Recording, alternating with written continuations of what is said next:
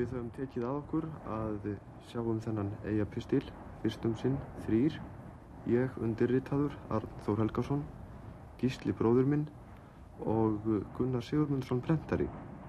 Ætlunin er að þetta verði eins konar útvarfsdagblað versmaneyinga hér á meginlandinu. Til dæmis geta þeir eiga menn sem ekki vita hver af öðrum komið persónulegum upplýsingum á framfæri og skilabóðum til vina og vandamanna og verður reynd að greiða úr því hér sem tími og rúm leifa.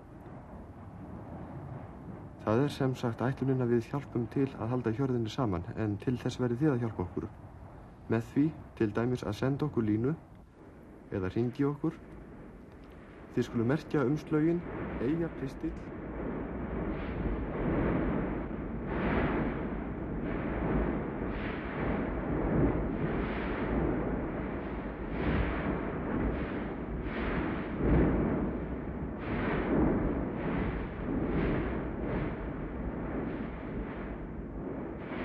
Eldgosið í heimaey fyrir tíu árum.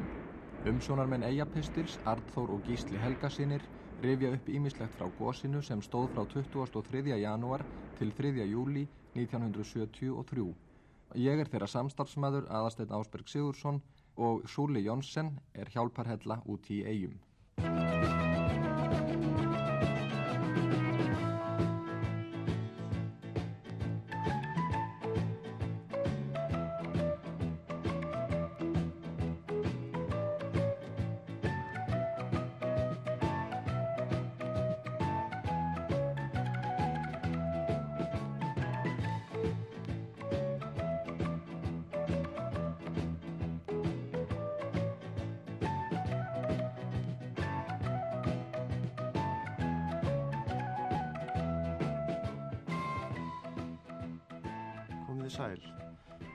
Fyrsta sem við fengum að vita um eldgósið í Heimaey sem hóst akkurat fyrir tíu árum var þegar símin ringdi aðfaranóttina 23. janúar svona tvöleitið og uh, eftirfærandi samtala átti sér stað.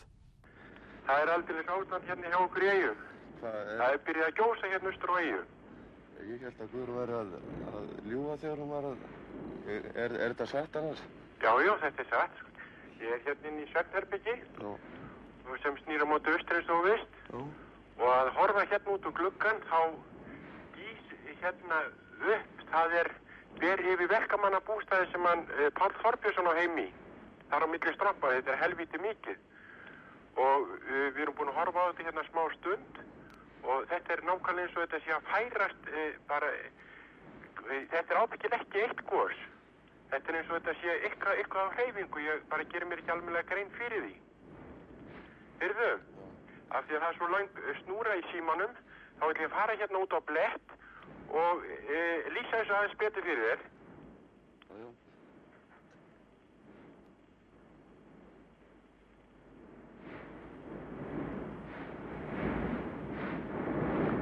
Jæja, heyrðu lætin?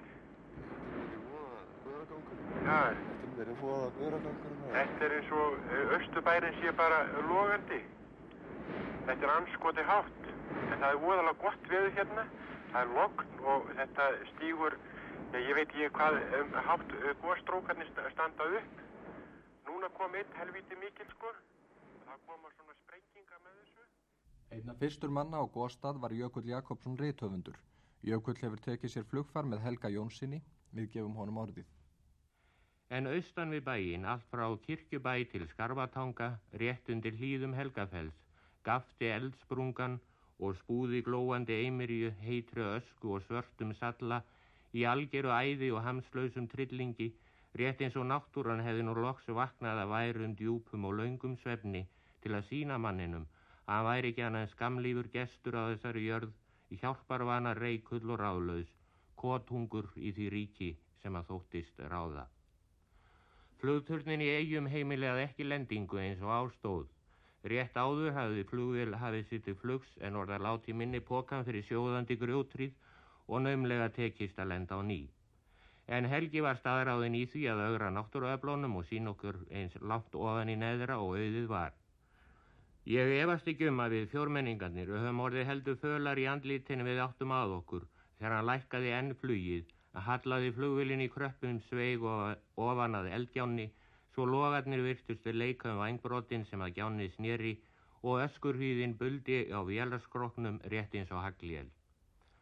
Um stundu voru við allir svo hugtæknir af því að komast í svo nána snertingu við sjálfan hildarleikin að við gáðum ekki annars. En við vöknuðum skindilega dvalanum þegar flugvilin fekk tröllaukið höggað neðan og í næstu andrá rapaðum gegnum ginnunga gap. Mér fannst óratími líða þar til hún fekk á nýbilmingshögg í kviðin sem þeittinu upp á við aftur og nú var nóg komið Helgi sveiði farkostinum til vesturs og stemdi á haf út. Sennilega hafði verið farnir að vorkin okkur eitthvað í flugturninum í eigum og heimiliðun úr lendingu. Það ríkti í öllu þegar blessuð vélin okkar skall á flugbrautinni og eftir ásáum við hjólförin ekki svört í hvítum snjó, heldur hvít í svörtum vikri. Þegar slögt var á hreiplónum leti vikur sallin hærra í eirum þar sem hann buldi á búk og vangjum.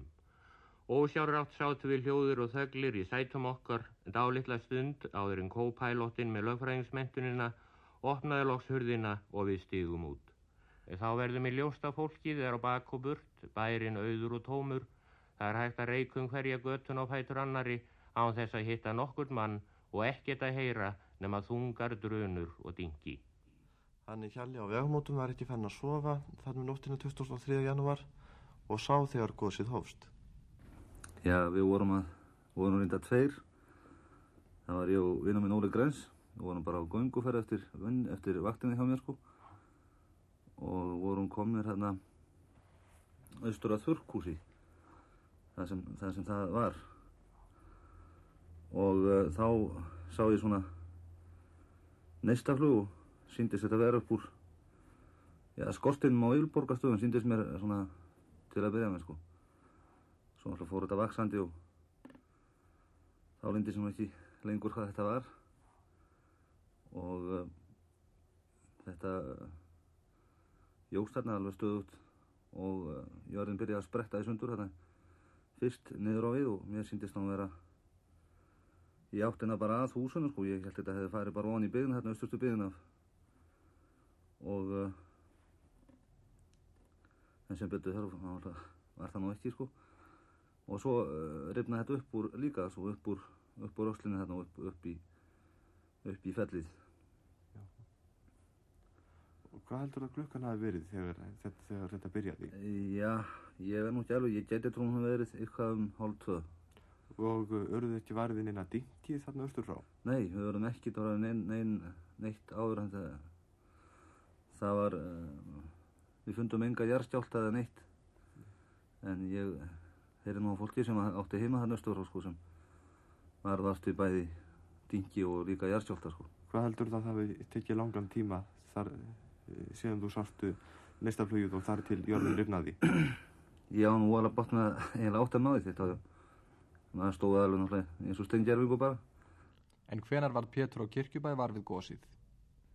Já, það skeiði nú þarna mátti segja á þeim tíma sem að þetta byrjaði og ég var náttúrulega við klætnum okkur þarna og það fór nú hvem pólti og bönni fór hún í bæjum því doktor okkar og mákonna voru nú þarna hjá okkur og doktor okkar með tvö bönn en ég var nú að sníkla þarna upp á hlaði þarna á meðan að þetta var nú að brjóta sig þarna alla leiðina og hann í sjóin alltaf hefði ekki verið svona halvur enna kilómetri sem þetta fór og þetta var hansi mikið eldhaf og lung, eh, sprunga sjá þetta en ég var óskup rólegur þó ég segi sjálfur frá og þetta mér fannst þetta hafa óskup lítil áhrif á mig svona kakvart þaugunum En hvernig heila varstu var við þetta fyrst? Já, ég var nú sofandi og konan vaknaði við þessu óskup við vorum bæðið sopnað og og svo náttúrulega kallaði hún í mig og ég var nú ekki Eh, eiginlega vissi nú eiginlega ekki hvað var að skilja og sagði við hann bara hún skildi vera bara rólega þetta verður bara krakkar að brenna sína þannig og þetta var svona svolítið látt til að bregja og svolítið en svo sjá maður nú hvað var að skilja þannig og það var ekkert að gera að taka því bara öllu vel Það hefur verið heldur ríflegur Já, þetta var heldur hressilegur sinnubrunni sem var reyndra gós en Árni Gunnarsson var þeirna fyrstur fréttamanna á staðin og sendi eftirfærandi lýsingu klukka nýju morgunin þann 2003. Uh, nú aðkoman hér í Vestmannegjum er eitthvað á þá leið að úti á flugvelli eru margar flugvélar. Það eru meðal annars tvær Douglas Dakota vélar frá varnanliðinu á Keflavíkuflugvelli. Við sáum þar þyrlu landhelgisgeslunar og mannflutningar frá eigum halda stöðugt áfram. Það segja mér hér lögreglu þjónar og aðrir að það séu vart fleiri en 500 menn, 500 menn eftir í vestmanægjum. Það er undarleg tilfinning að koma hér inn í bæin, eldbjarminn rýs hér við heiminn og það leggur talsverðan reik yfir bæin og vikurfall er af og til. Það marrar í vikrunum á göttunum og uh, þetta er heldur eðilegt að sjá hér hús eru myrkvuð og uh, enda mestur hluti í búana farin. Uh, ég sagði á þann að flutningar heldu áfram, veður hefur nú vestnað heldur, það er ferðað að rigna og farið að hversásaldið og Herjólfur er nú hér í höfninni og áðan sá ég myrstakosti tvo báta koma. Engverjir eru líklega að koma aftur úr ferðum sínum til lands í nótt. Uh, menn eru mjög rólegir hér í vestmanægjum, taka lífinu með ró eins og vandi er vestmanægjinga og uh, þeir láta þetta ekki hafa mikil áhrif á sig þó ófrungið sé að heyra hér góðsturununnar í hverju húsi og hverju götu. Er þú nokkuð að hugsa að koma þér hérna í burtu? Nei, nei, mér leikur ekkert á. Þér leikur ekkert á? Og, ég er alveg rólegur. Já, en hefur þú farið upp að góðstaðunum? Já, já, ég fór hérna upp á kirkjubæðum á hann. Og er ekki mikið að sjá? Jú, þetta er stórfenglið, það er ekki að segja annað. Nei. Það ekki, verður ekki með einum orðum. Nei, og uh, það hefur verið svolítið öskuregn. Já, það var hérna tímabili þegar áttin breytist úr logninu, sko. Það var logn fyrst þetta byrjaði og svo breytist áttin sem sagt kom austan átt smá tíma. Það er, það er svo mikið misvinda hérna núna. Já, finnið þið nokkur fyrir brennusteininum svona andónum að ykkur? Já, þetta er felluðu fnyggur, sérstaklega núna sko, núna síðan. Já, og heiminin lýsist hér upp fyrir fram á nokkur. Já, annars þetta... er nú mikið, mikið meiri reik, reikmakkur núna, þetta hefur nokkur tíma verið sko. Já. Það hefur ekki verið svona mikið reikur ynga til. Hafa verið svona miklar sprengingar á þau? Já, já, í allan átt. Það hefur verið í allan átt. Alveg síðan þetta byrjaði sko. Já. Bátaflóti Vestmanneia flutti megnið af eigamönnum til Þorlákshafnar fyrstu klukkustundirnar í Gósi. Þar var Einar Karl Haraldsson fréttamaður stattur og fylgist með. Lítill hjá fólkur sínu sem ekki er mjög hress við komuna. Hvernig gekk ferðin? Hún gekk bara vel. Gekk vel, já. Hvernig... Sjóveik svolítið, ekki hansamt. Ekki, ekki strákurinn? Nei. En, uh, en uh, Hvernig var aðbúnaðurinn í skipinu? Þurftu gæt fólk verið eitthvað í vistarveru? Já, það var svona klefum en það voru ekki kójur en það var bara báður. Hvenar, hvenar vöknuðu þið í nótt? Klukkan tvö voru við rest. Já, og hvernig var eitthvað við? Við okkur var nú ekkert vel við. Nei. Við sáum þetta. Og uh, nú er líkulegin í uh, uh, Ártúrskólan. Hafið þið ættinga hérna í landi þar sem þið getur verið? Já, í Reykjavík. Reykjavík. Og ættin til þeirra? Hæ? Og ættin til þeirra? Já. En fyrst er það... Hæ? Hvert var þið fyrst? Vitið þið það núna? Nei, við förum fyrst núna til Reykjavíkur. Svo er hér frétt. Íbúar kirkjubæjar sem eru austasta hús á heima í sluppu út á náttföðunum og heldu þannig til skips. Þeir eru nú í þólarsöfn, óttast er að kirkjubæjar sé nú komin undir hraun.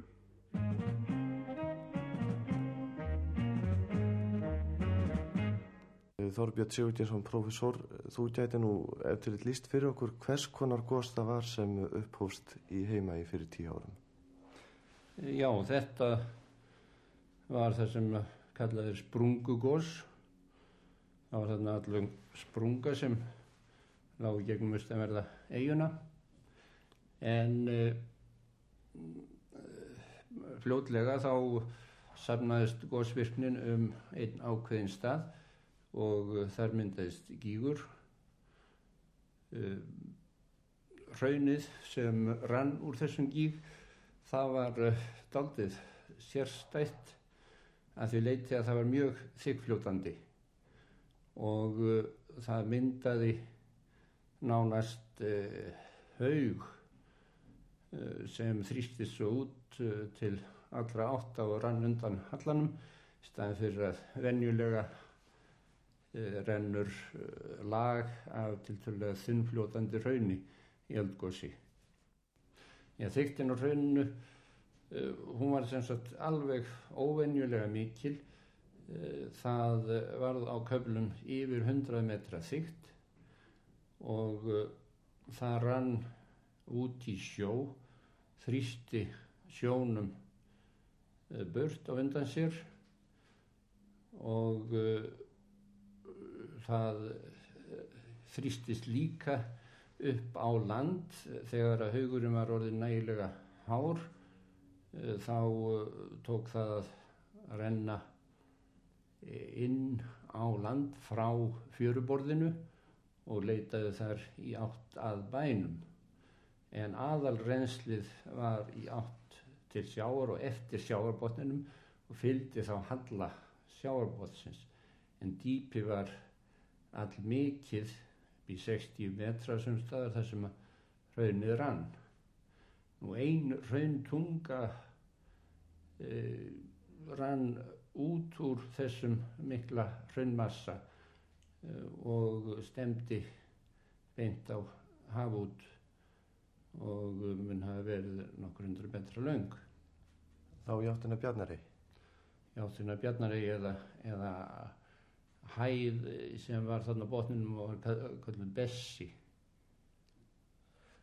Vita menn nákvæmlega um það raun magn sem kom upp í góðsunu? Það er vita nokkuð nákvæmlega. Það er talið að raun og gjall hafi verið um 250 miljón rúmmetra eða einn fjórði úr rúmkilometra Fréttir voru tíðar af atbörðum í Vestmannegjum og fjórða í gósi sendi Sigurður Sigursson eftirvarandi fréttauka. Í gærskvöldi þegar við útvarsmenninu kom hingað til eiga með Herjólfi virtist eldgósið fremur saglýsislegt og var okkur sagt að það væri með minnsta móti. Nokkuð vikur fall var og þungfæst var frá höfninni og skólavegin því þygt vikur lag þakti allar göttur en þessi vikur fjall í fyrirnótt. Núna í morgunsárið virðist gósið öllu meira enn í nótt og vikur raglandi bílur á rúðum og þögum húsa hér. Ég sé ekki betur en nú gjósi á einum, tveimur eða þremur stöðum úr gósprungunni og virðist eitt góstrókurinn vera mestur. Þar feitast raunsletturnar hátt á loft en háaðinn frá gósinu er að ég held öllu minni en í gerkveldi og í nótt. Mér er sagt að um 18-20 hús næst eldstöðunum síu brunnin og grafin undir vikri. Eins og frá verið sagt fylgir gósinu háaði og sprengingar þannig að menn eiga ekki sérlega gott með svefn svona fyrst í staða minnstakosti. Ymsir töldu að eldgósið hefði gert bóð á undan sér og þeim hefði jafnvel vitrast það í draumi. Klara Tryggvadóttir sem þá var á 12. ári segir frá. Ég sá bara eldtungur um allt og, og var komað að raun svona í, í restina hana á þessum draumum mínum. Þetta var alltaf ég að fara að gjósa undir lokin í þessum draumum. Hvena byrjuð þessar margtræðir? Það var, var viknur á 72 sem að sem þessi draumar voru að koma hjá mér. En uh, sástu svo gósið fyrir þér ykkur tíman? Já, ég sá það á sunnudeginum, 21.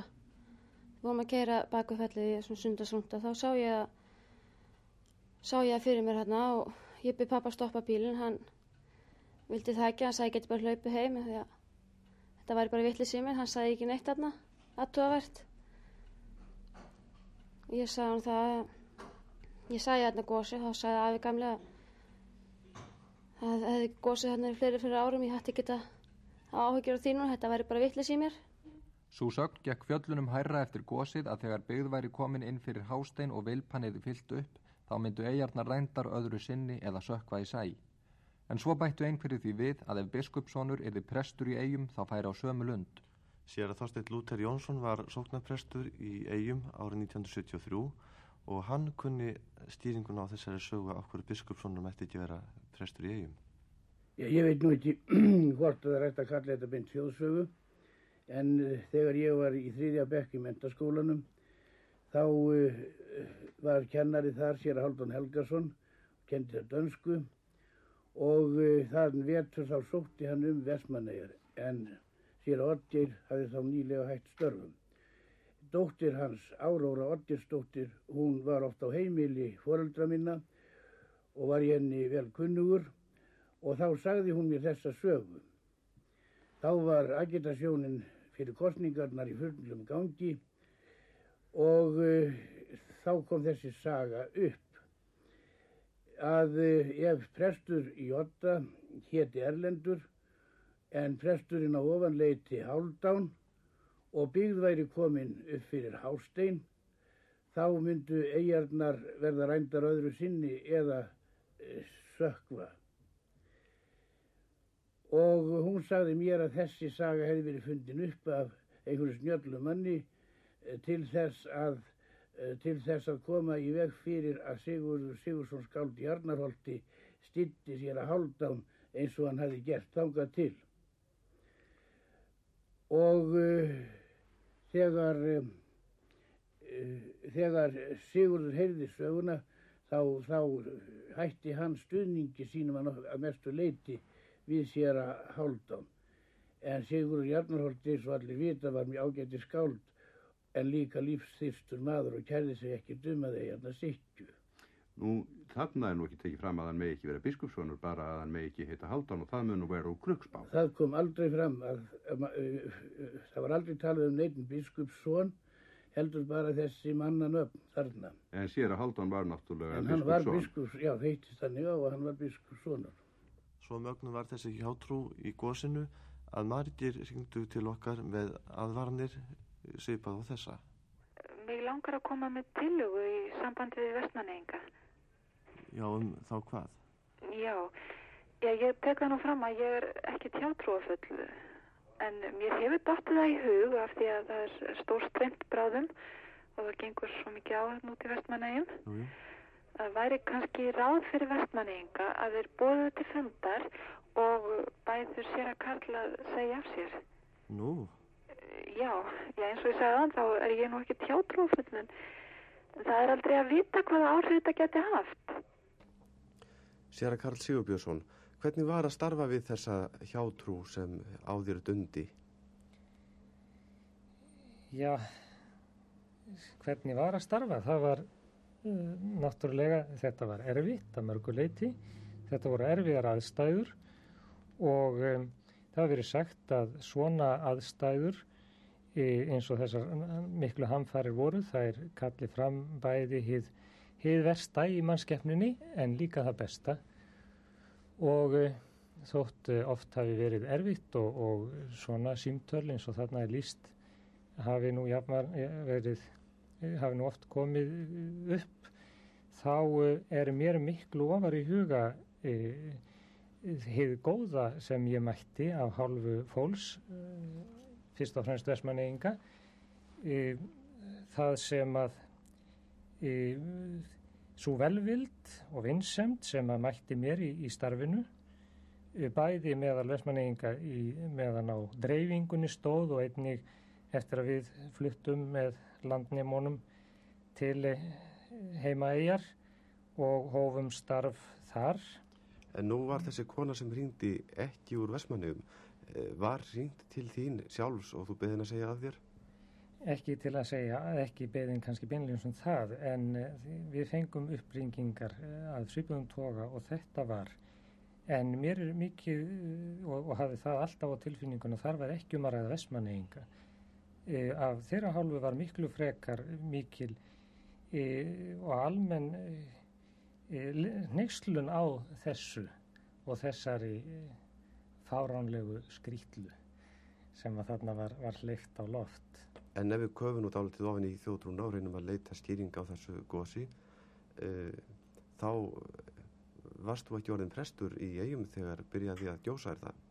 Nei, þá var ég nú í, í prófi í Guðfræðild Háskólans og hafi hvergi komið nærri Vestmannegjum en um, að vísu hafi ég svona rentu hugað ángað því að ég hafi fengið bref og, og óskir frá ýmsu fólki þar um að, um að ég tæki setningu þangað en það vantaði þar e, í prest í ennbætti það sem að varð löst þegar sér að Jóhann Hlíðar fór frá eigum sömarið áður. En hvert var síðan megin hlutverk ykkar sér að Þorsteins á meðan á þessum ósköpnum stóð?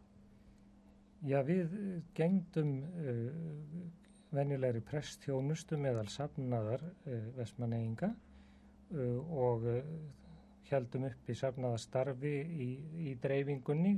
Guðsjónustur voru haldnar á þar sem fólki var flest og nú auk þess fermingar, undirbúningur og ímislegt annað. Nú við gengdum, hafðum talsvert að gera sem, sem tengiliðir við hjálpast, hjálpastofnuna kirkjunar og, og heimil og einstaklinga vestmanneyinga. Þar var annað verkfæri sem að okkur var lagt til sem að, sem að ekki tilherir venjulegu presskap yfirleitt og það var eiga pistill. Var, þar var okkur bóðið upp á pretikunarstól ef maður segja eða, eða, eða, eða bænar stað sem að til að flytja Guðsorð á og þar voru klukkur landakirkju sem hljómuðu og ég held að, að þær stundir hafi reynst mörgum dýrumættar.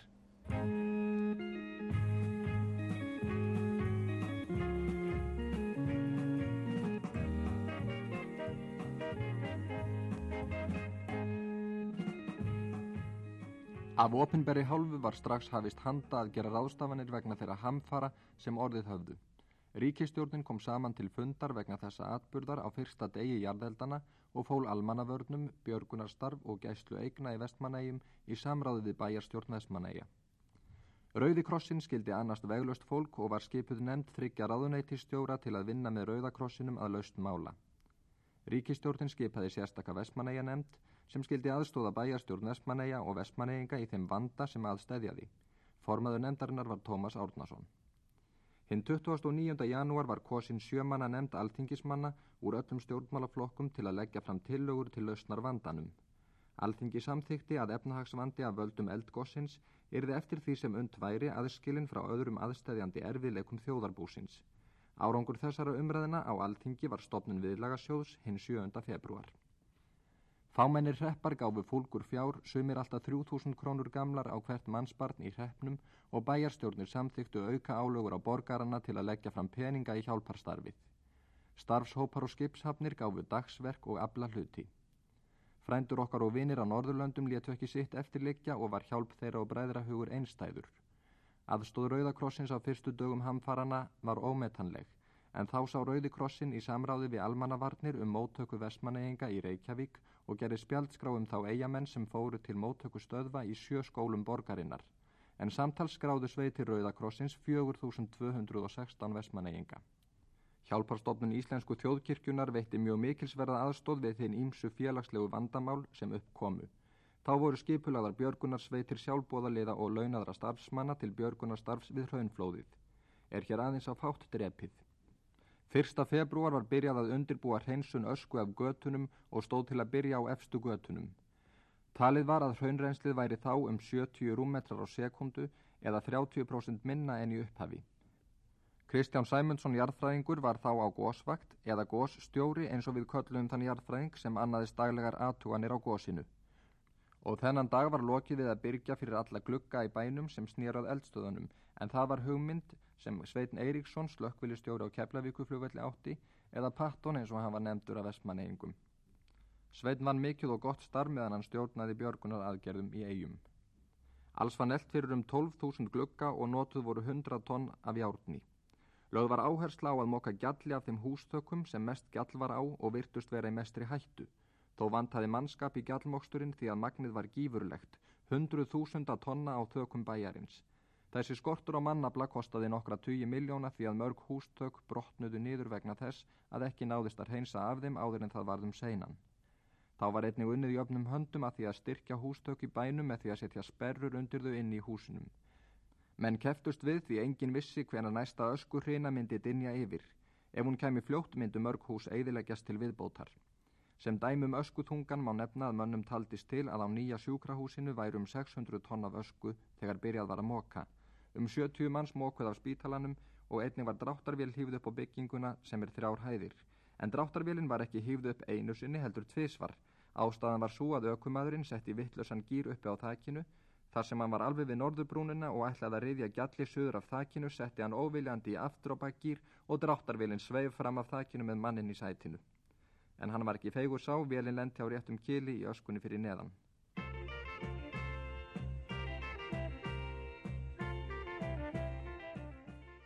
Frettatilkynning frá Almannavarnanemnd í Vestmannegjum 8. februar 1973. Búslóðaflutningar hafa haldið áfram með flugvélum og hafa gámar sem fylltir höfðu verið nú verið tæmdir og innihald þeirra sendt flugleiðis. Björgunarsveitir sem aðalega eru varnaliðsmenn hafa haldið áfram mokstri af þökum. Verið er að byggja upp viðhalds og eftirlitsveitir sem starfa munu með eftirliti með oljukendingum, rafkerfum húsa og öðrum vörnum gegn skemdum á húsum. Skortur er nú á kunnugum mönnum í þessi störf. Lögreglan hefur synd sömu störfum og áður nema nú hafa oljufélögin tekið við oljudreyfingunni. Eitt útkall var hjá slökkviliðinu vegna íkveikju frá oljukinditæki, þann eld tókst fljótlega að slökkva. Gósið var óbreytt þar til klukkan tíu í morgun en þá hófst óvinnu mikið öskugós. Í gerðkvöldu og fyrir hluta nætur var nokkurt öskufall í bænum á samt snjókomu. Hraunkanturinn sem liggur frá þurrkúsinu að höfninni breytist lítið frá því í gerðkvöldi. Þó tókaðast hann fram til vesturs um 30 metra millir klukkan fjögur og hálf átta í morgun.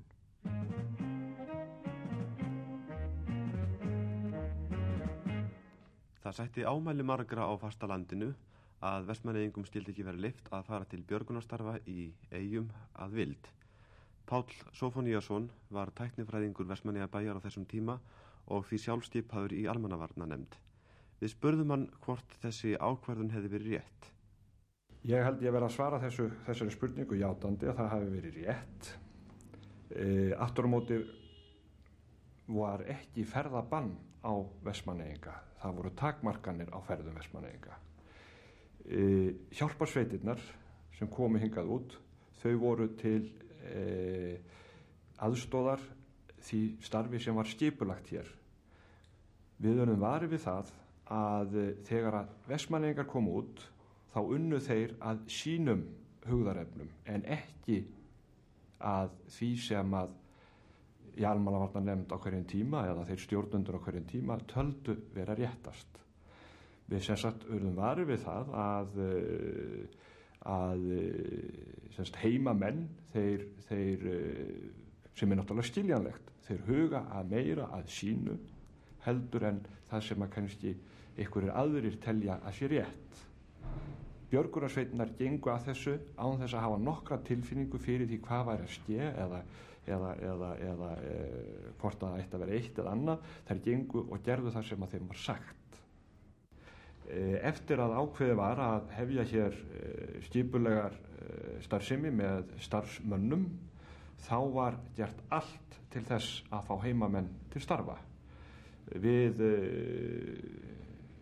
fengum hér út semst, lista yfir menn sem að, sem að vildu koma til starfa og þar voru vestmannegingarnir alltaf teknir fyrst og ég held ég megi segja að yfir höfuð voru þetta var kjarnið, það voru vestmannegingar og svo komu hér sérstækir hópar sem voru hér tímabundið og sem fóru aftur. Kosturum við það að tel ég að eftir á hittja líka að hér voru vestmannegingar bæði í, við björgunarstörfin sem starfsmenn og svo setna í hrinsunni það hafi orðið til þess að hér byggðist upp fyrr, fólk flutti heim fyrr þetta, þessi, þessi kannski hræðsla sem að var við gósið og, og, og annað gerði það verkum að, að þessi menn voru búin að kynnast í og vissu hvað þetta var og, og annað þýrlíkt. Nú annað í viðbót það var, þeir hafðu ekki ráðið sér í störf annar staðar, þeir voru sem þetta á lausu þegar að uppbyggingin byrjaði og starfsemi í fristuhúsunum og, og svo framvegið. Þannig að, að ég tel að, að, að eftir áhyggja þá í stórun dráttum þá hafi þetta verið hagkvæmasta og farsamasta lausnin sem að uh, gætt verið á þessum hlutum. Það gekk mikið á út í eigum á þessum tíma en á meðan skemmtu vestmannegingar skrattanum í umferðin í Reykjavík.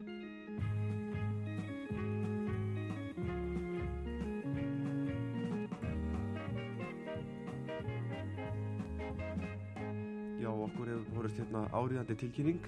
Laurullan í Reykjavík hefur ákveðið að gefa eigamannum kost á umferðafræðslu á mánundaginn kemur þar að séum kvöldið klukkan hálf nýju. Mánundaginn 27. februar klukkan hálf nýju því muni það. Síndar verða fræðslumyndir um akstur í Reykjavík og stemdur námskeiðið um það byl einn og halvan tíma. Og það þarf ekki að taka það fram að tjenslan er að sjálfsögðu ókipis.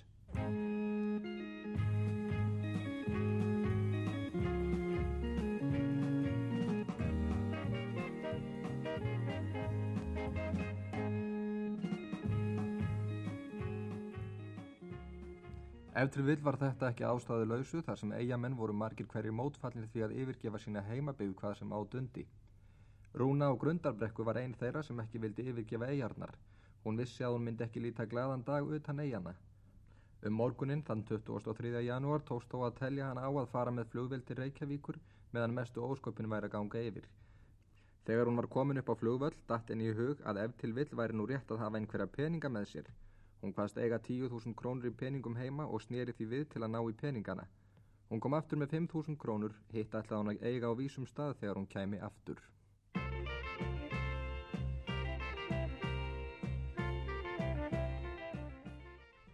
Ímislegt fór á víð og dreif í gósinu og reyndu menn að sapna því saman með tilstyrk eigapistils.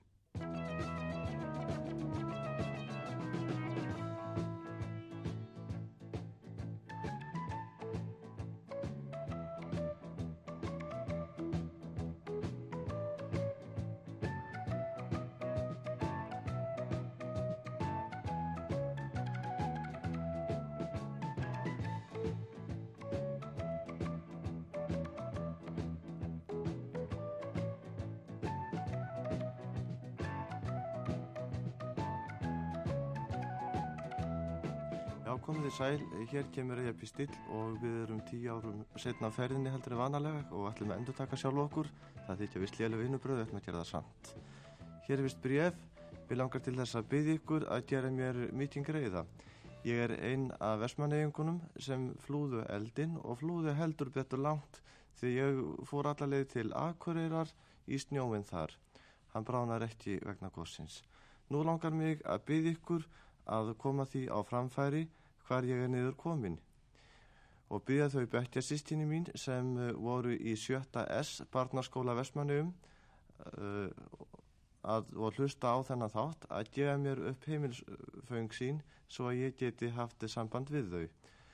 Mitt nafn og heimilisfang er Guðrún Hjörlefsdóttir, Þingvallastræti 20 Akureyri og uh, síðan langar mig að byggja ykkur að flytja fyrirverðandi kennara mínum Sigurði Jónssoni og skólastjórnum Reyni Guðsteinsinni og öllum vinum og vand, vandamönnum bestu kveðjur með kveðju og þakklæti frá henni Guðrúnu Hjólastóttur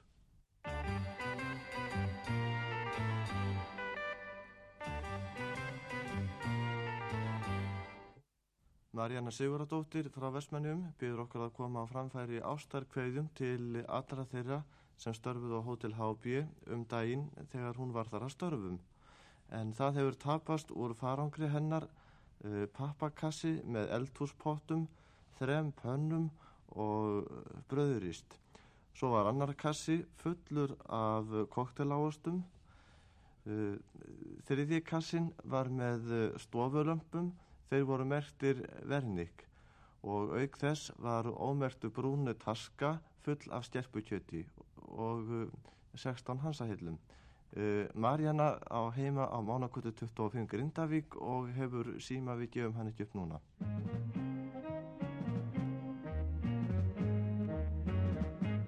Jóhanna Guðjansdóttir frá Hlýðardal í eigum en með jóskilum bækur ímsar þar á meðal norska salmabók og maður og máld eftir sóli í hlýð.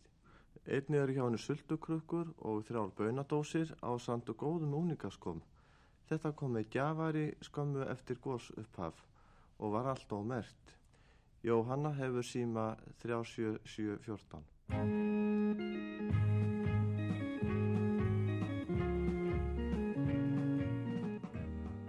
Ég er svo aldrei þess að enn hafi ekki allir sótt kaupið sitt sem munu hjá vinslustöðinni fyrir gós.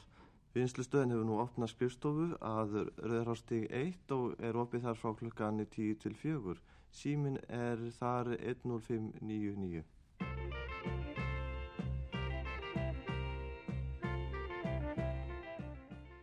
23. mars 1973 Nú hefur það gerst hér í eigum sem menn hafa lengi óttast, raun er byrjað að renna niður í bæin austanverðan.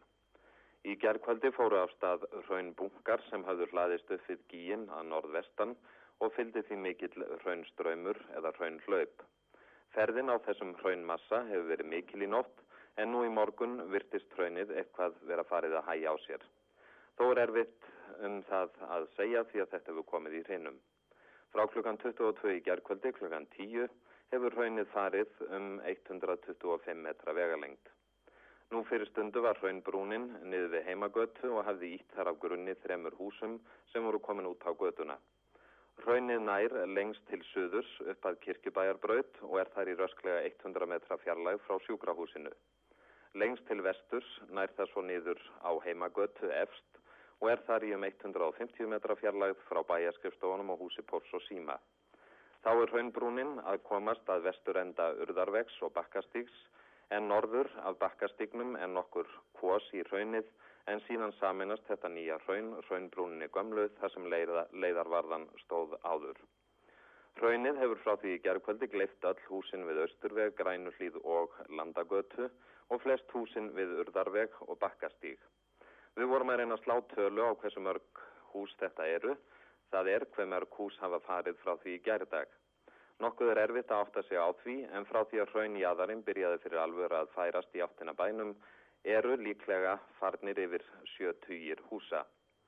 Í reynsli stefnur haunsins eru ímis mikilvæg mannvirki til dæmis rafstöðin, sjógeimir, vatsintækið, fiskverkunarhús og síðast en ekki síst höfnin. Þess má geta að nýju varnargarðarnir höfðu lítið að segja eftir að verulegu skriður var komin á hraunið. Hraunbrúnin ítti þeim léttilega undan sér. Þrátt fyrir þetta hraunflóð tósta bjarga vatskælingarkerfinu, vatsleiðslum og dælum. Líklega verður ekki meira reynd að íta upp varnargörðum en það verðist að hardla tilgangslítið í svipinn þegar svo mikið gengur á. Um framhald starfsins hér vitum við lítið að svo komnu. Segja má að nú hefur orðið algjör strömmkvarf í þessu gósi sem hlýtur að valda því að menn muni taka fyrir áætlanir til endurskoðunar. Má ætla að áhersla verði nú lögð á enn frekari björgun verðmæta. Erum Pál Sofaníasson fyrir um teknifræðingu kupstaði segja frá. Nú ég kom út með fyrsta flugi morgunin eftir og uh, það var ekki skemmtilega aðkoma. Nú enn fremur var það að uh, allir höfðu verið á vappi framöndu morgun og voru eiginlega nýgengnir til náða þegar ég kom þannig að bæri var eiginlega þar á þau ekki alveg mann laus. Menn höfðu í um nóttina tekið nýður það dælukerfi sem þá var og uh, sumtaði hafi verið tekið nýður með það miklum hraða að það var, það var mikil vinna að koma því fyrir aftur. Nú uh, smá saman þá vöknuðu menn, menn og, og það var hafist handa að byrja bara upp á nýtt og halda áfram. Bæði með þær dælur sem við vorum þá búin að vera með og enn fremur var, var, eh, var lögð fyrsta plastleðslan frá, og það var frá Sunday. Við vorum nú með vangaveldur þá hvort að það gengi en uh, þessi tilrun hún gafst mjög vel og uh, það sem að Sunday kældi þá, þá nótt sá uh, klettur sem hún myndaði, hann stendur enn þegar að síðan áhlaupið kom uh, kringum 30. þá fór það umhverfis þennan klett þannig að þarna er stallur sem að, sem að stóð fyrir sínu hefðum við haft meira af vatni þá er ekki nema já, þá er ekki útilokað að við okkur hefur tekist bara hreinlega stöðvaða þar. Fjórum dögum síðar sendir Einar Karl Haraldsson þennan fyrir þetta auka. Nú er talið víst að raunnið muni ná höfninni eða sjónum á í víkinni milli skansins og hraðfyrstöðvarinnar á næstunni. En ekki er talið að naustamarsbryggjan sé bráður hættu eins og stendur. Raunkanturinn heldur áfram að mjakast yfir strandveginn við hraðfyrstöðuna og er farin að þrýsta að útvegjum hennar sem standa einir eftir. Þá sígur veggurinn niður að mótum formannabrautar og strandvegar og verða húsin Görn og Ólakop, þar sem rafveitan hefur haft aðsetur, greinilega næstu fornarlömpin. Húsaröðin við Njarðargötu og Heimatorg sem brann í nótt er nú óðum að hverfa í hraunjæðarinn. Framrás hraunsins uh, nú er beint framhald af áhlaupinu sem varð á fymtudaginn var að sögn jarfræðinga. Nú skömmu fyrir hátíð höfðum við samband við Leo Kristjánsson jarfræðing og veitti hann okkur eftirfannandi upplýsingar. Nýr flakkari hefur byrjað göngu sína frá gígópinu niður eftir gamla rauninu uh, í norður eða í átt af innsiklingunni. Þetta er mikið fjall um 200 metrar á lengt og mikið tilsýndar. Talið er að það flytist fram um 5 metra á klukkustund eða um 120 metra á sólarheng. Áhrif þessa nýja flakkara á raunreyslu við bæinn koma líklega ekki í ljós fyrir en eftir nokkra daga. Eh, hugsanlegt er einnig talið að þessi nýji flakkari geti stíplað raunreynslið upp við gíin. Gamli flakkarinn hefur haldið kyrru fyrir undarfarna daga.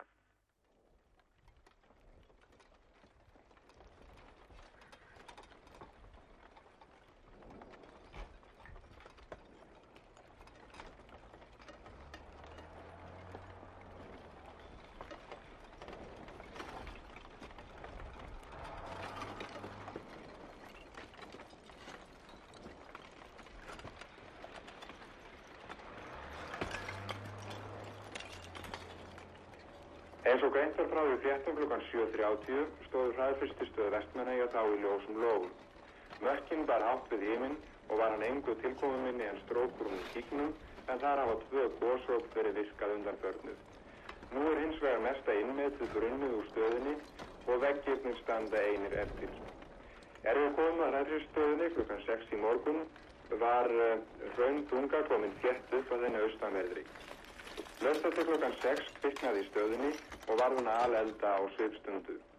Til hliðar við stöðuna nær formannagötu hefur verið spröytuð á raunið frá því klokkan 2 í nótt með þeim árangri að það hefur sáralítið skriðið fram í áttin Nausthamars bryggju.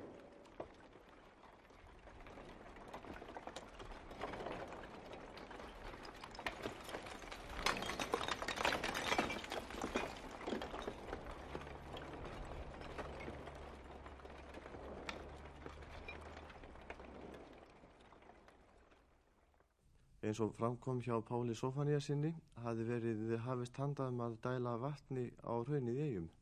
Upphásmaður þessar tilrauna var Þorbjörn Sigurgjersson professor en hann hafði gert tilraunum með raunkælingu í sustse hér um árið og með góðum árangri. Fyrst í stað dældu slökkviliðsmenn á raunnið og dælustýpi Sandey og þá mynd, myndaðist svo stjett í eigum sem kallu var bönustokksmenn. Síðar voru fengnar öflugur í dælur erlendis frá fyrir tilstilli Sveins Eiríkssonar, slökkulistjóra á keflauguflögulli eða Pattons eins og við kalluðum hann og þegar svo hrunflóðið skall á bænum þann 2003. og 27. mars 73 þá var það að byrja upp á nýtt og nú segir Þorbjörn frá. Þegar þetta hljóðstafast 28. mars að þá var tekið til óspildra mála að koma dælubúnað í gang aftur þá var raunar komin mjög mikið öflugri dælubúnaður sem hafi verið fengið frá bandaríkjunum á mjög skamun tíma og tekið að fyrst að spröyta áhraunkantinn næst höfninni og hans staðvaðist tiltölulega fljótt. Þá var haldið áfram að koma vasslöngum upp á raunnið og kæla nokkuð breytt svæði allt upp í 50 metra breytt svæði við endan á þessu raun reynsli nú þetta hindraði ekki að það held áfram að streyma raunin í bæin og uh, þessi hrauntunga bólnaði út meira og meira en uh, þá var tekið til þess ráðs að uh, fara með kæli slöngur upp á raunnið tölvert ofar og kæla þvert yfir hraundunguna alveg eins og hefði verið gert áður hjá hafnarminninu. Þarna var komin sem sagt þessi miklu öflugri dæl, dælubúnaður og einnig var komin miklu handhægri miklu, miklu handhægari rör þá var farið að nota plaströr í staðin fyrir stálrörin plaströr sem að fremleitur á Reykjalundi og þau voru mun þægilegri í lögn fljótlegra að koma þeim upp á hraunið heldur en stálrörun. En uh, að leggja þessar leiðslur, vassleiðslur inn á hraunið, það var mjög hættuleg aðgerð og mjög erfið. E, strax og eitthvað vatn kom á hraunið þá fylltist alltaf gufu þannig að það sá alla út úr augum og raunnið var heitt og hættulegt að vísu var aska, öskulag eða gjallag ofan á því og uh, það var raunir það sem að gera þessar aðgerðir mögulegar það var mögulegt að fara með jarðítu upp á raunnið jafnvel og meðan það ennþá var á reynsli og uh, leggja veg uh, eða að jarðítan gæti svo dreyið dreyið plastpípurnar á eftir sér og komið þannig inn á raunnið.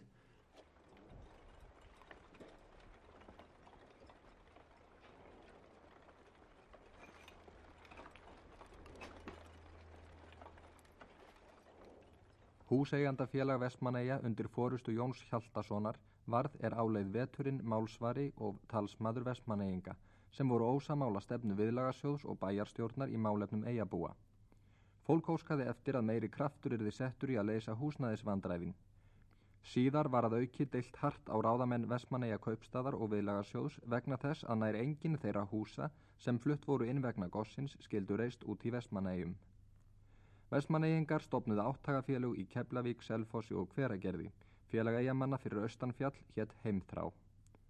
Að áliðinum vetri hinn 25. mars helt félagið Heimþrá fjölmennan fund í Selfossbíói þar sem vestmanneyingar rættu hinn margvíslegu vandamál sem við þeim blöstu þessa erfiðu daga. Bar þar einna mest á þeirri miklu óvissu sem ríktu um það hvort menn fengju bættan þann gífurlega skada sem hraunflóðið á bæinn tveim dögum áður hafði valdið. Í byrjun apríl bóðiði húsegandafélagið til fundar á hótel Loftleiðum og kom þangað mikill fjöldi vestmanneyinga svo að margir salir hótelsins fylltust. Hinn 25. mæ um vorið bóðiði bæjarstjórn vestmanneyja til fundar með umbjóðundum sínum í háskóla bíói. Vestmanneyingar fjölmendu og var húsfyllir á fundinum. Á fundum vestmanneyinga komu fram margs konar sjónarmið og deilt var um leiðir til lausnar vandamálum. Skoðanaskipti þessi voru öllum mjög gagnleg.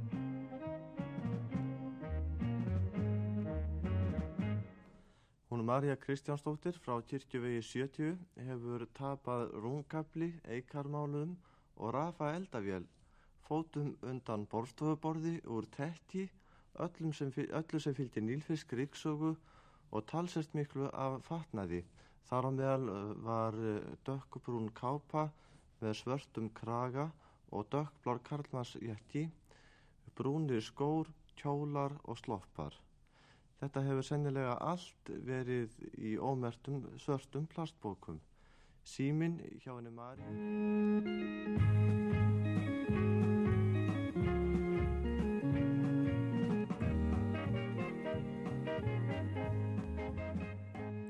Margir skutu skjólshúsi yfir vestmanneyinga á fastalandinu en fjölmennust byggð eigamanna mun hafa verið í Ölfusborgum, Orlofshúsum Alþýðusambands Íslands.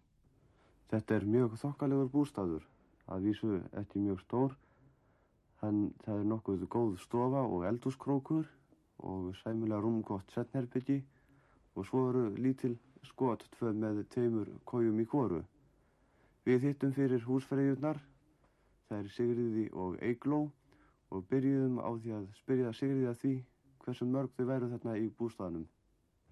Við erum nýju en ég er með tvö börn, sjö og tveggjára. Og annað er það í skóla? Já, hann, hann er í skóla í hverjargerði. En þú Egló, hvað eigið þið mörg Ég er með þrjú, en ég er bara með eitt hérna um helgar og annað er í Reykjavík skóla og hitt á Selfossi. Í Reykjavík og svo eru bændurnir í Vestmanniðum, annar að vinna í Guana og hinn við Bunustörð. Bunustáksmaður. Já, Er þá krökkunum ekki þá á milli Já. og uh, þurfið þið að bera kostnæðina því eða gerir vilhaðsjór það? það er eldri krökkunum. Eldri krökkunum berum við kostna náttúrulega. Það er í rútum á milli og þau verða að borga sem stundir sig eða mista kosti þetta sem er í Reykjavík en yngri, yngri krökkunum teimur kert upp, í- upp á hver að gerði og við höfum ekki þurft að borga neitt fyrir þau. Hver sem borgar það?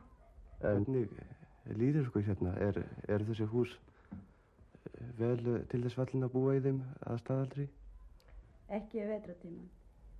Hvað segir þú um það? Já, ég er alveg sammála, þetta er ekki. Þetta er ágættis hús og þjóna sjálf sína tilgangi en, en ekki sem íverustæður yfir allt árið. Þetta er ágætt sjálfst yfir sumarið. Það hefur verið ansið kallt yfir núna yfir vetratíman og snjóa hérna innum hörðina en við höfum látið okkur líða vel samt. Hér hefur við einn búandan í Ölfusborgu 32. Hvað heitir þú? Stengur Svarsson. Og hvað ertu gammal? Ég er á 12 ári. Og þú ert náttúrulega í skóla hérna í hverjargerði. Já. Kanntu velvilið hér? Já, ágæðlega. Hvað gerur þér nú svona helst til dærastyttingar? Það voru, ég, ég er bara hérna ykkur staðar í kringi að læra. Og það er lítið að gera. Leiðist þér þá hér? Nei, nei, bara manni veit bara ekki hvað maður að gera. Svo lítið að gera hérna. Það er doldið annað. Þegar maður var heima þá var kannski gaman að lappa upp fjöll og skoða fugla og svona finna reyður. Nú hlýtur það að sakna ykkur frá eigum ekki satt. Hvað er það þá helsta sem... Það er svo margt sjónum og það gæti lappaði allstaðar på heimaglett. Líka þegar var gaman að fara á sjó. Kannski að mamma og pappi verið búin að láta bátinn núna flott. Heyri vorið vængjum blaka og vonir mínar undir taka því ég er barn með Og þá lögum við ferð okkar með því að heimsækjana önnu í Vastal. Hún er alltaf svo virðaðu góð og skemmtileg. Hún hefur fengið lítið og notalagt hús til íbúðar í hverjargerði. Segðu mér Anna, dveljið þið all hérna? Nei, ég er nú hérna, högni maður minn hefur komið við og við, dótti mín líka sem er út í eigum, þau eru bæði þar að vinna. Við hvað vinnaðu þar? Já, högni hann er orðin verstjóru hjá Ítumannum, Sísi var fyrst á hótelunum, svo fór hún til Pattons á Skansin, stóð sig ágætlega þar og svo fór hún í eh, slökkviliðið. Er þar við símavöslu og heldur hreint hjá þeim, hýtar þeim kaffi og smirðum brauð. Og henni líkar vel að vera þarna er það ekki? Hún vil hvergi vera annar staðar og við ekki heldur. Nú ertu búin að missa húsið þitt undir hraun og samt eh, líst þér svona vel á hlutina. Já, við fyrum öll heim aftur. Það best að vera eigin. Er þið alveg ákveðinu því? Alveg ákveðin. Annarkvort byggjum við, þá eftir sömu tekningu, eða við kaupum okkur hús. Okkur þótti feikilega afandu. Feikilega indall lítið hús, þægilegt í alla staði. Nú var lóðin hjá þér alveg til fyrirmyndar og, Já, já. og saknarði, saknarði hennar þá ekki líka? Jú, alveg ræðilega. Og okkur þótti úðalega vænt um garðin. En það er eitt sem við eigum enn þá það er mynd frá Sigurgeir, ljósmyndara. Hann gaf okkur fallega mynd á húsinu lítmynd sem jólakort einu sinni og við eigum það að geymum hana. Það er það ágætið sminning. Alveg dýrileg. En samt var þetta nú vist kallaðu dauðadalurinn þar sem við áttum heima og ég trúði því aldrei að hraunum myndi taka húsið. Trúði því aldrei. Samt var þetta, var ég róleg þegar fréttin kom en mér varst allt kallt og dimmt og tómt þegar ég heyrði þetta. En þetta blagast allt saman, við förum heim.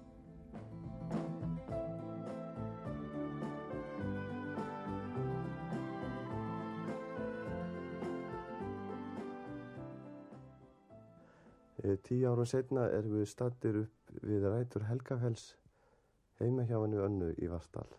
Hvenær fluttur þau hingað upp yfir? Við vorum alkomin hingað heim 4. júli. Er það rétt sem ég hef heyrt að því það hefur verið fyrst til þess að tilkynna flutning hingað það, já, já, annars voru eh, fáinir komnir og undan okkur en við vorum fyrst til að tilkynna. En við vorum búin að fá leifi til að fara hingað heim í júni en högni slasaðist á hendi og svo var það ekki úr því að við færum fyrir 4. júli. Nú tók raunið húsið ykkar en hvernig dætt ykkur í huga að setja stað hérna alveg uppi rætur fjallsins? Það var náttúrulega högni, hann hitti Guðmund Guðmundsson yfir laurugluþjón og spurði sennilega í brýjarið hvort að við getum ekki fengið þetta hús leikt. Síðan hittum við hann á götu í Reykjavík og ámálguðum frekar og fengum við lirði hjá honum og setna seldan okkur húsi. Það var held ég í september eða, eða oktober sem við auðvum eigundir húsinu. Er mikil munnar á að búa hérna enn í Vastal? Já, það er náttúrulega mikið fallegra hérna allt, útsinni er indislegt og, og mikið friðsælt. En svo er eftir meiri veður, eh, já, veðurofsin hérna. Sérstaklega suðvestan, það er slæmt. Gróður er daldið, svona setna vorin hérna og erfitt að rækta. Uh, en uh, þegar þú rifjar upp þennan tíma í gósinu, hvernig uh, svona reytið er af í, í það heila? Var gott að vera í hveragerði? Já, við vorum ákveðlega heppin að hafa gott húsnæði en mér leittist þarna mikið og ég þráði að komast aftur heim til eiga en okkur, sko, en með að mér leið vel, högni var alltaf hérna. En ég var fegnust þeirri stund að geta farið hingað heim aftur. Því að ég sé ekkert með mig hérna. Heldur það að eigin sé betri eða verri eftir gósið? Eh, það er farið fallegasti hluturinn af einu, hann er horfin og ég sakna þess mjög mikið. En það er afskaplega gott að búa hérna og, og ef ég má vera svolítið skaldleg þá er, er eigin dýrasti eðalsteinin sem morgun geði hann kissir og eins og við vitum þá kissur hann allan heiminn á hverju mótni.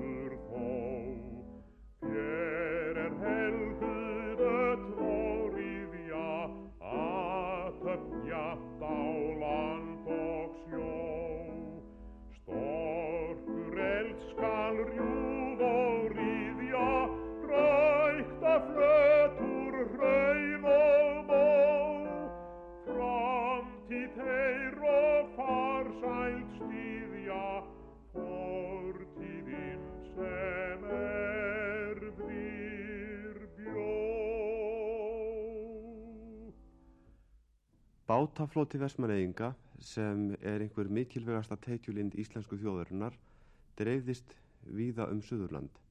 Flestir lönduðu þó í Þorlóksson en sumir í Reykjavík og aðrir í Hafnarfyrði og víðar. Þó voruður að geta þess að Gónúið starfaði í Vestmaneyjum og þar lögðu nokkur bátar upp. Heldar vertiðaraflin varð 21.000 smálestir en hafi verið 22.000 smálestir vertiðina áður og vakti þetta þjóðaratikli. Í sumarbyrjun buðu norðmenn 900 börnum frá Vestmaneyjum til sumardvalar í Noregi og hópi aldaraðra. Það var Rauðikrossin Norski, Íslendingafélagið og fleiri aðilar undir fórustu hans hög sem þar áttu hluta máli. Það fór að vora í Vestmaneyjum. Ferðahömlum var létt af Vestmaneyingum og þeir máttu nú snúa heim þar sem Lundin, ljúastur fuggla, var farin að huga sínu eins og Friðrik Jésson sað okkur frá. Fyrst af það sem við þurftum að aðtrúa var náttúrulega við lundan okkar, blessaðan, og við reknum nú með að aðkoman yrði nú örðum í stóðasti á nokkrum stöðum eins og á, á nýja rauninu, þar sem hann átti heima urðarlundin, en það fór það nú svo að, að fjöldin af þeim settist á, á sjóðveikt raunin, hætturni brunn undan þeim og margi dóu og reyndar þessir og mörgum var bjargað. En uh, svo skeiði það einkennilega, hann varð alveg rugglaður á staðháttum og til dæmis að þá komu þó nokkuð margir um borð í dælupranna sem var þetta með hafnavinni og þar löpuðu þeir um hjá, hjá mönnunum sem voru að vinna þar, settust á, á fætur þeir og klifruðu upp á axlir á þeim og án þess að reyna að býta sem er nú lunda venja þegar hann er komið svo nálagt manninum. Já. en eh, um borð hitt hann aftur fyrir góða menn. Þeir eiginlega þeir, þeim dætt í hug hvað væri að hjá lunda og, og sleppt honum út á sjóin og það bjarg honum í bíli að mista hvorsti nú svo sáum við það náttúrulega þér þar sem að að, eh, að gjallið hafði lagst yfir lunda byggð. Þar kom hann og setti skreið og var óskur knýpin að okkur virtist var að spíkspora þarna um. Og svo skeiði þetta því góðan þetta hann byrjaði að grafa. Sumstar hafði hann í gegn og fann gömlu hóluna sín aftur. En á öðrum stöðum var þetta á þygt lagið og þar gafst hann upp. En þá brá hann sér bara út fyrir og fór að grafa nýjar hólur og hefur orðið í þær og allt gengi vel Og með vorinu fórum enn að grafa upp húsin sinn í eigum og þá kom ímislegt í ljós eins og Páll Helgansson lýsir. Við stöndum hérna upp á þækjun á presthúsum. Það er uh, sennilega um tveir mánuði síðan við gróðum þetta hús upp til þess að bjarga hérna húsmunum og þá virtist húsið vera nokkuð heillegt. Það var jú einn milliveggur var síginn svona um halvt fett en þá var komin híti í kjallaran og það hefði verið lokuð hurðin úr eldursunni í kjallaran þannig að guðvan leitaði ekki upp. En það hefði glemst að tappa af miðstöðakerfinu þannig að opnarnir voru sjóðandi heitir. En það hitin í kjallarahúsins var um held ég 95 stig. Og þó að það blési gegnum húsi þá var 27 stig að hiti inn í húsinu Núna hefur hitin aukist hérna alveg geysilega þannig að húsið er alltaf sligast í sundur.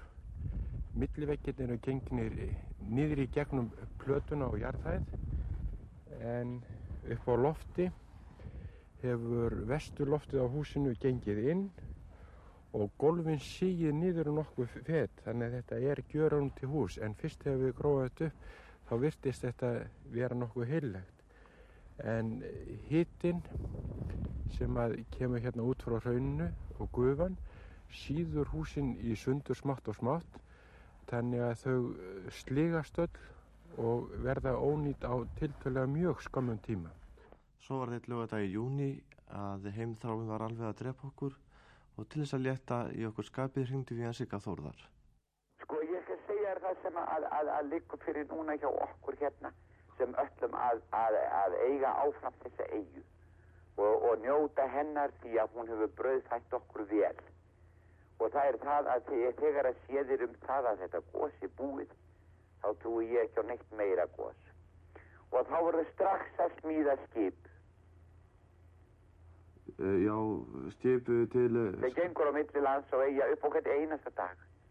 Og mér var það ekkert um hvort það er heldur 50 miljónir eða 100 miljónir sem þarf að gefa með því og ári. Mér alveg samum hvort heldur er. Ég vil bara vestmenni að sitja við það borð að þeir séu eins og manneskur Já, já. Við erum einskis að gælda. Við höfum skilað þessari þjóð mjög góðum arði og ekki talið eftir okkur að vinna og þá erum við einskis að gælda. Og ég vil bara einskis gælda. Og honum Sigga Þórðar varð að ósksinni því að í byrjun júli 1976 fengu vestmannegingar nýtt skip og hvort sem þarf að borga með því 50-100 miljónir gamlar vitum við ekki en við spyrjum Óla Runn, framkvæmdarstjóra Herjóls hversu marga farþega hefur skipið flutt frá upphafi?